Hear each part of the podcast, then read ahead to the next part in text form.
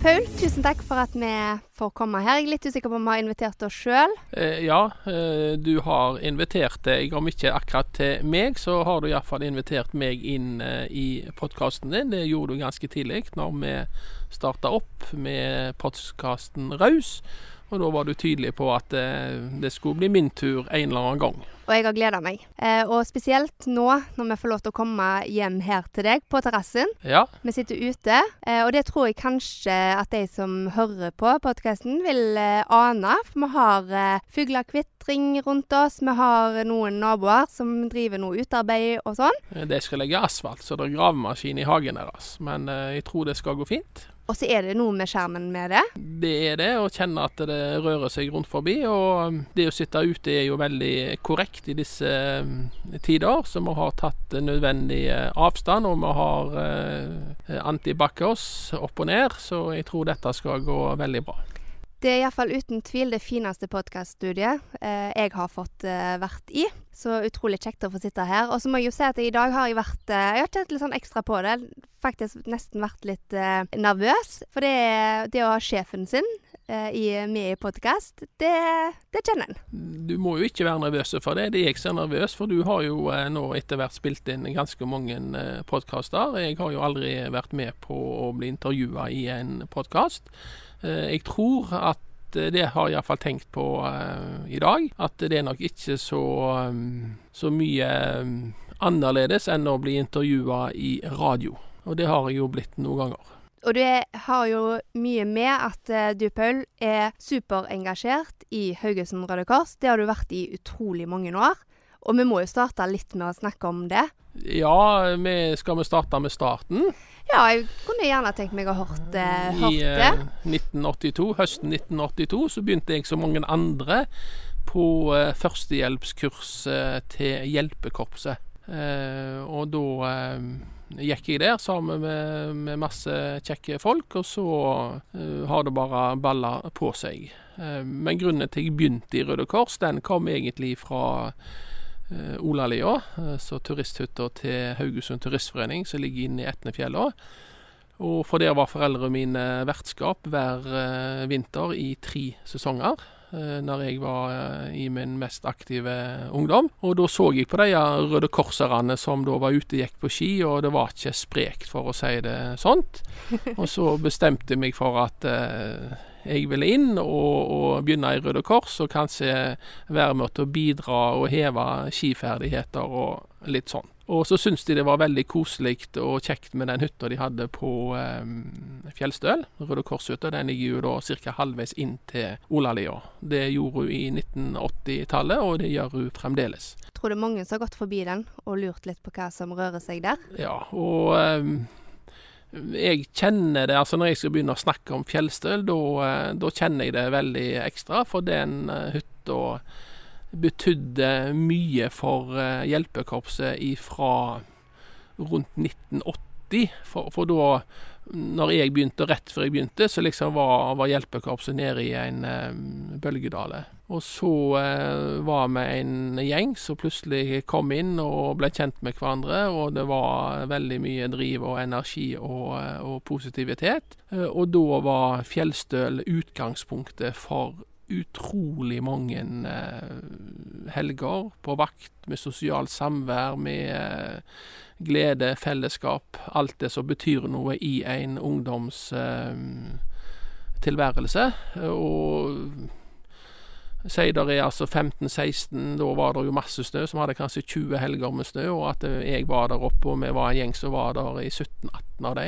Det var nesten hver helg så var det å kjøre til, til, til fjells på fredagen og hjem igjen seint på søndagen. Men når du ser at dere, for da var dere jo en god gjeng som reiste opp, Mm. eh, og jeg tror hvis en har gått forbi den hytta, så ser du jo, vil en kjapt se at det er jo ikke ei kjempestor hytte, det er ei veldig koselig lita hytte. Ja, to soverom nede og tre svære hemser oppe, og der lå vi hylter til bulter, og det gikk helt fint. Koselig. Veldig koselig, og eh, da var det noen voksne med som, eh, som eh, passte litt ekstra på, og så ble vi veldig ansvarsbevisste etter hvert, vi som var der, og det gikk eh, kjempefint. Var det på Fjellstøl du traff Frøydis?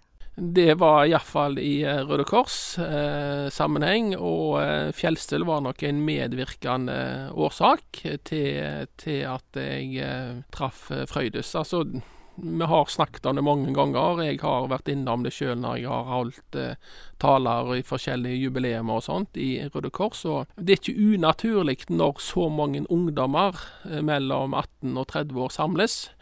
Og ting eh, i kanskje 16-17-18-19-årsalderen begynner å røre på seg, og du får blikk for, eh, for eh, forskjellige ting, så, så er jo da eh, der du er, og der du tilbringer tida di, det er jo der det som er det naturlige holdt på å si markedet, jeg med fra plassen å, eh, å, se og bli kjent, og da oppstår det eh, god eh, eh, kommunikasjon og gode øyeblikk, og eh, kjærligheten den eh, blomstrer jo i Røde Kors, som også i mange andre organisasjoner.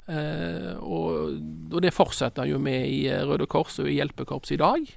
Eh, men, men at en da drar det med, med dere videre òg? For én ting er der og da, og folk treffer hverandre, men dere har jo virkelig altså, jo, men, men, det tror jeg er nok litt av nøkkelen til at uh, Nå er det jo jeg som har på en måte vært mest aktiv i Røde Kors i, i alle åra, men noe av nøkkelen uh, til at det har kunne latt seg gjøre, er nok at eh, begge to har vært veldig aktive i organisasjonen.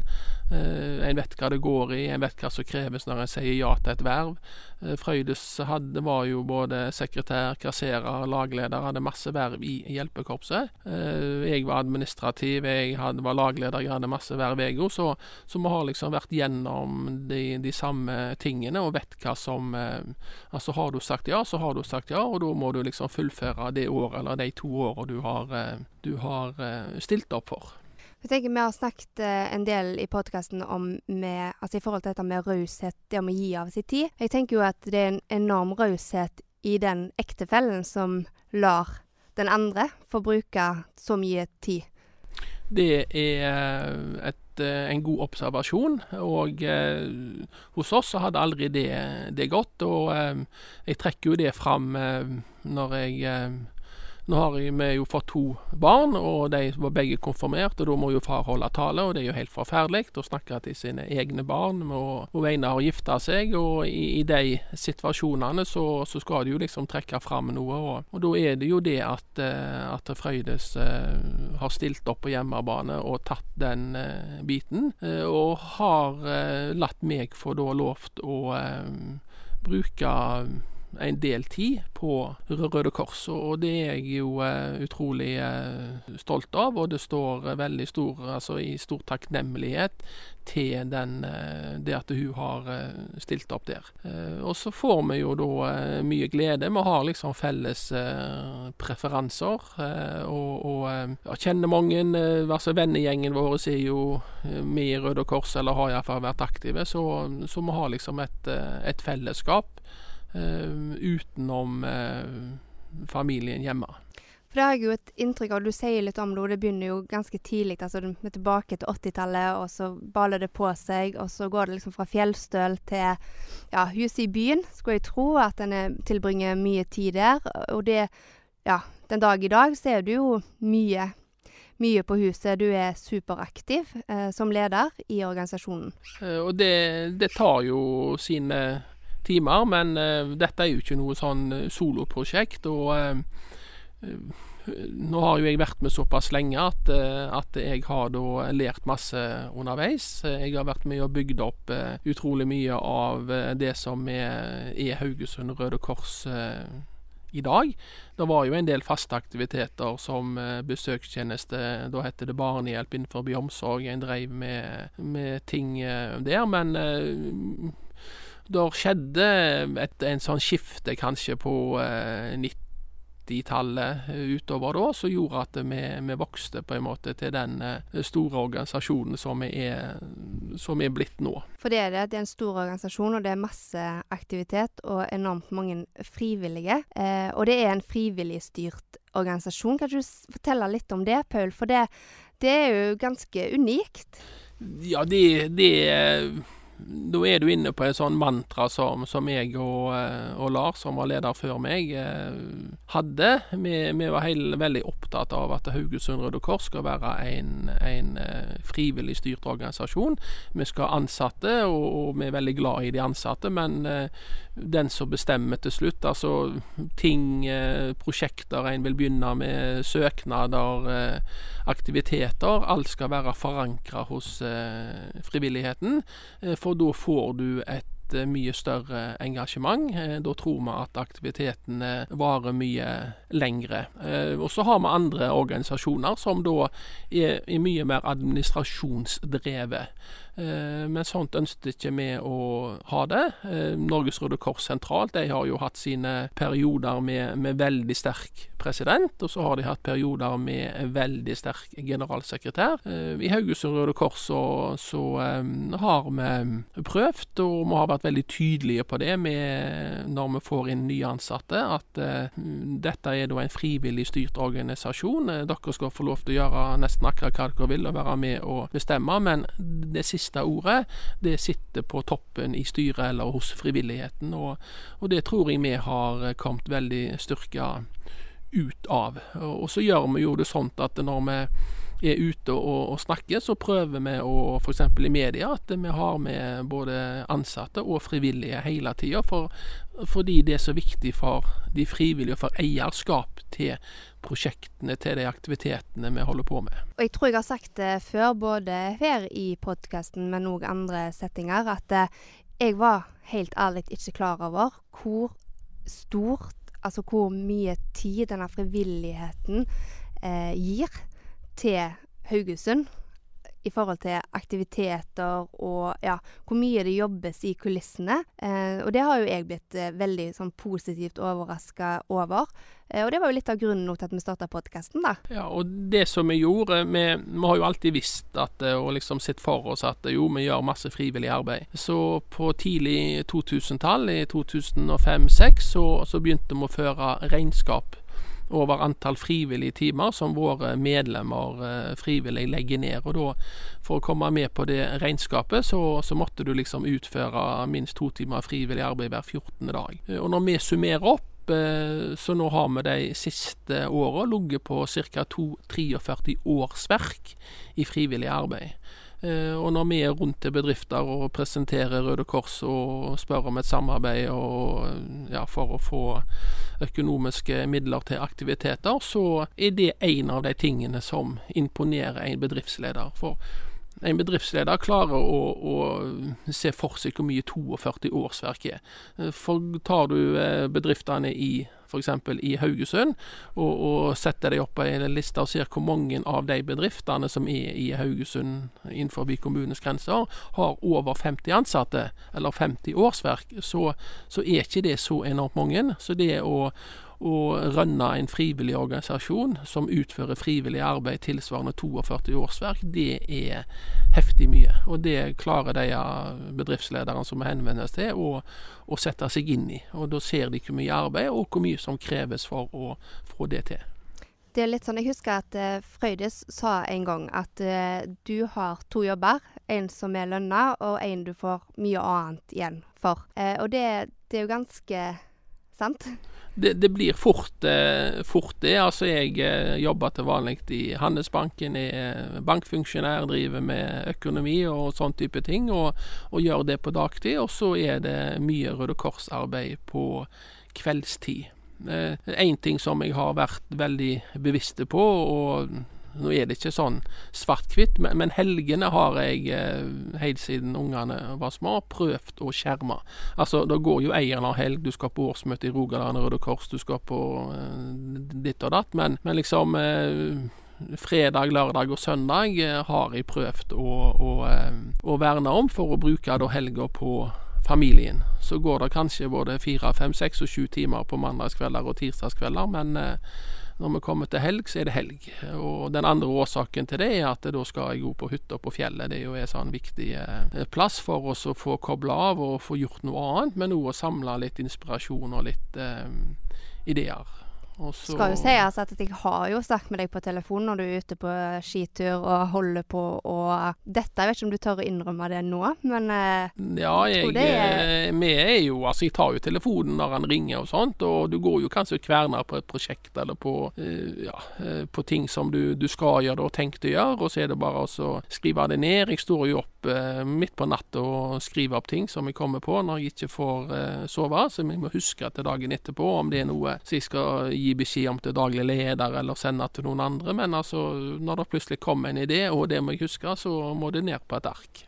Men en annen ting, Paul, med at vi sitter her som vi gjør, eh, som jeg syns egentlig passer veldig godt, og som jeg nå blir minnet på når du snakker nå, det er noe med takhøyde. Eh, så det passer jo enormt at vi sitter ute, for her er det jo iallfall eh, god takhøyde. For er det noe det er i Røde Kors, Haugesund Røde Kors, så er det takhøyde. Eh, der er veldig stor takhøyde på mange ting. Eh, på eh, ideer, aktiviteter, ting som vi skal gjøre.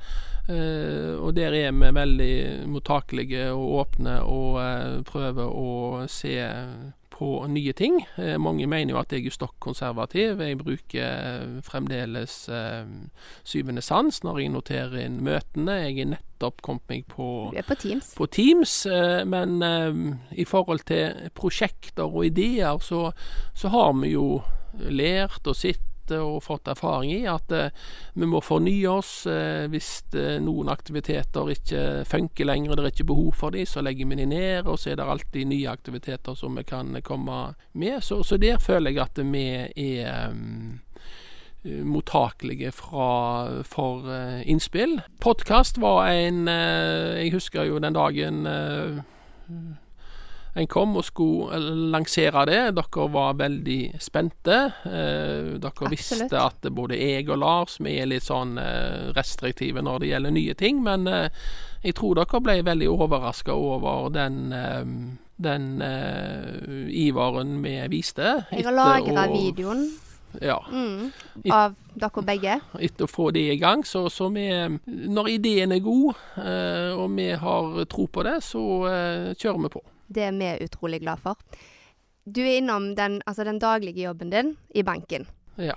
Um, og det må jeg jo bare si, altså den tar du jo med deg veldig inn i rollen som leder i Røde Kors. Jeg har lært masse på dette året som jeg har kjent deg. Så jeg har lært både i jobbsammenheng, men òg privat. Eh, og er det én ting eh, som liksom dukker opp når jeg tenker på, på deg, så er det at en ikke skal bruke penger som en ikke har. Det er et eh, viktig eh, eh, tips og en god leveregel som mange eh, kan ta med seg. Eh, jeg ser jo eh, dessverre altfor mange som da eh, kjøper ting på kreditt.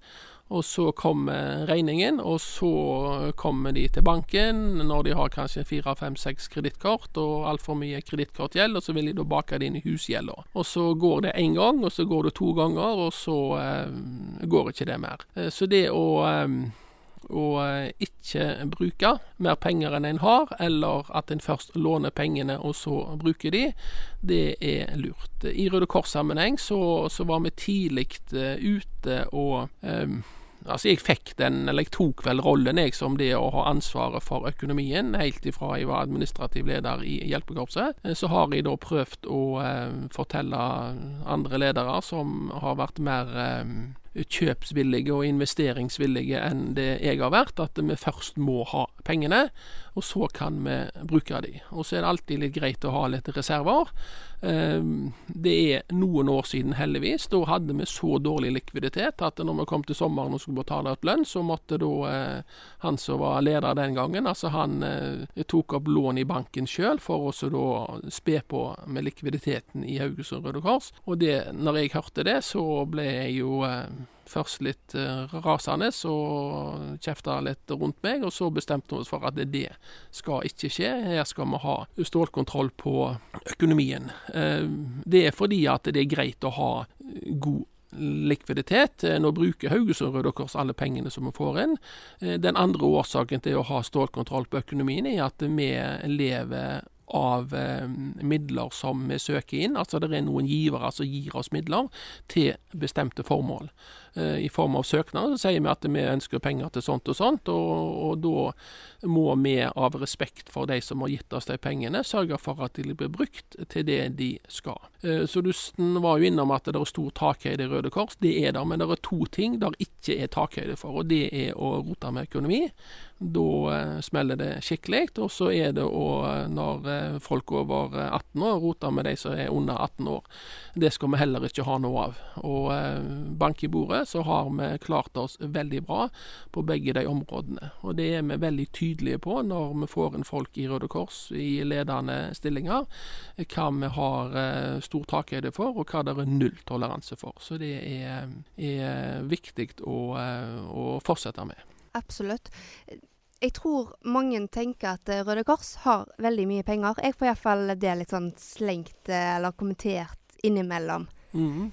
Kanskje du bare sier litt om, om det? Fordi at en ja. Norges Røde Kors har mye penger, eh, og eh, fra tid til annen så, så får vi da ei forside i Finansavisa til Trygve Hegnar der det står at vi har milliarder på bok, og det har vi.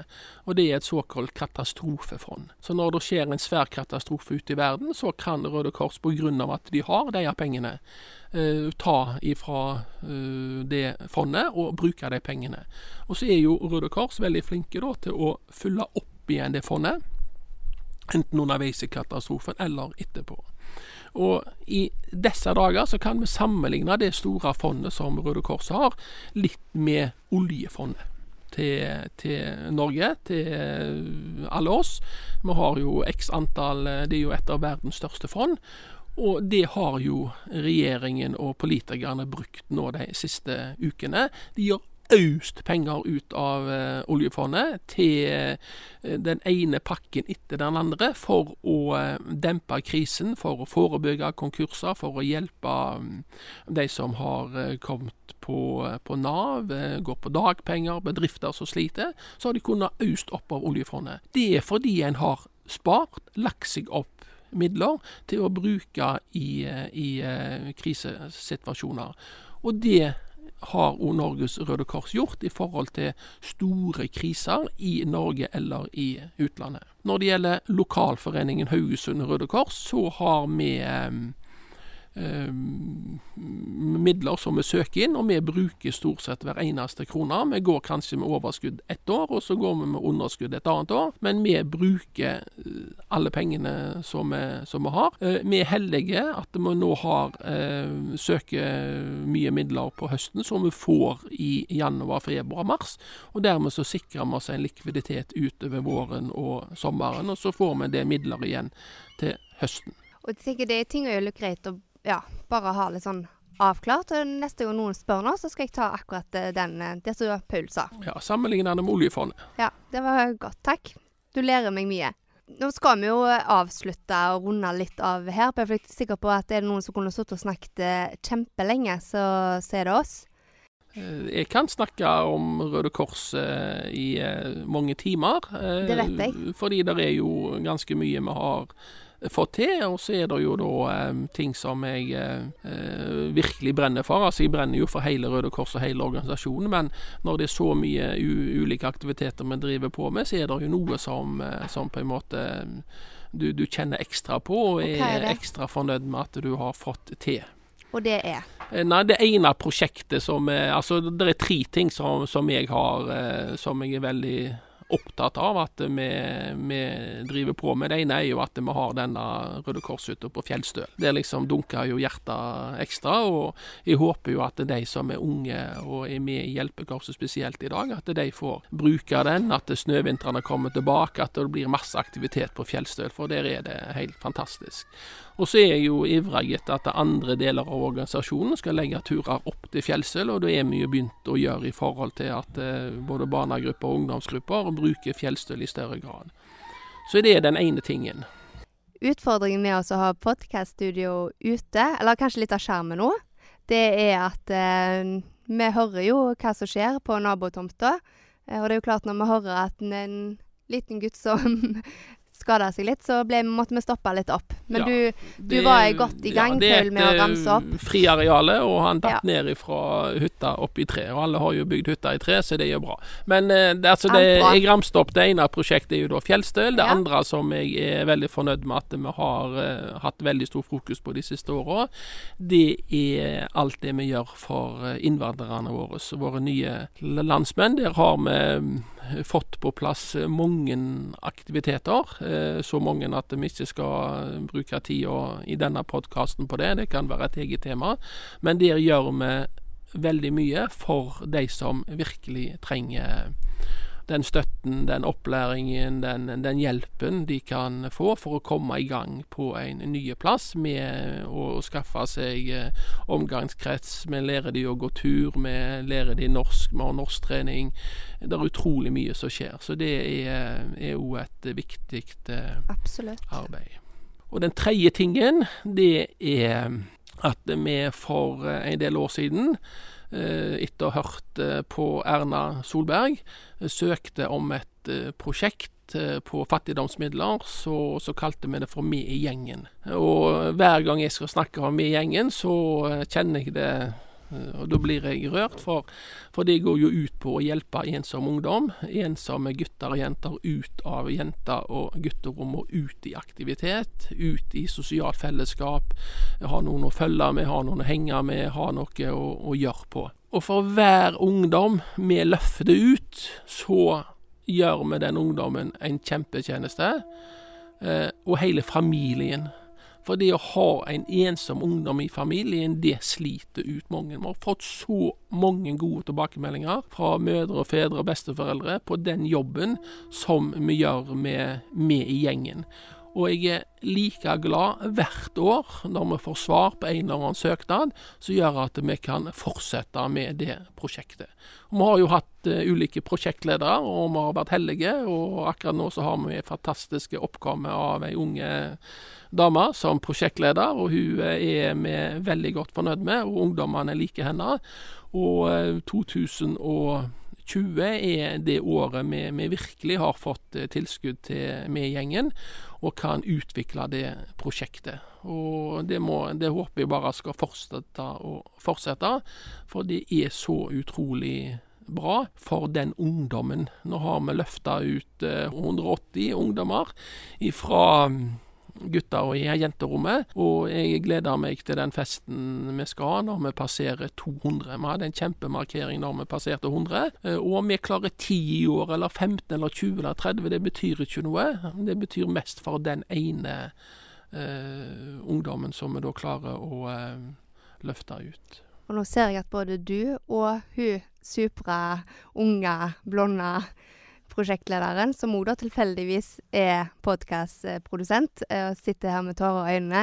Og jeg syns det er en utrolig fin avslutning eh, for praten i dag, Paul.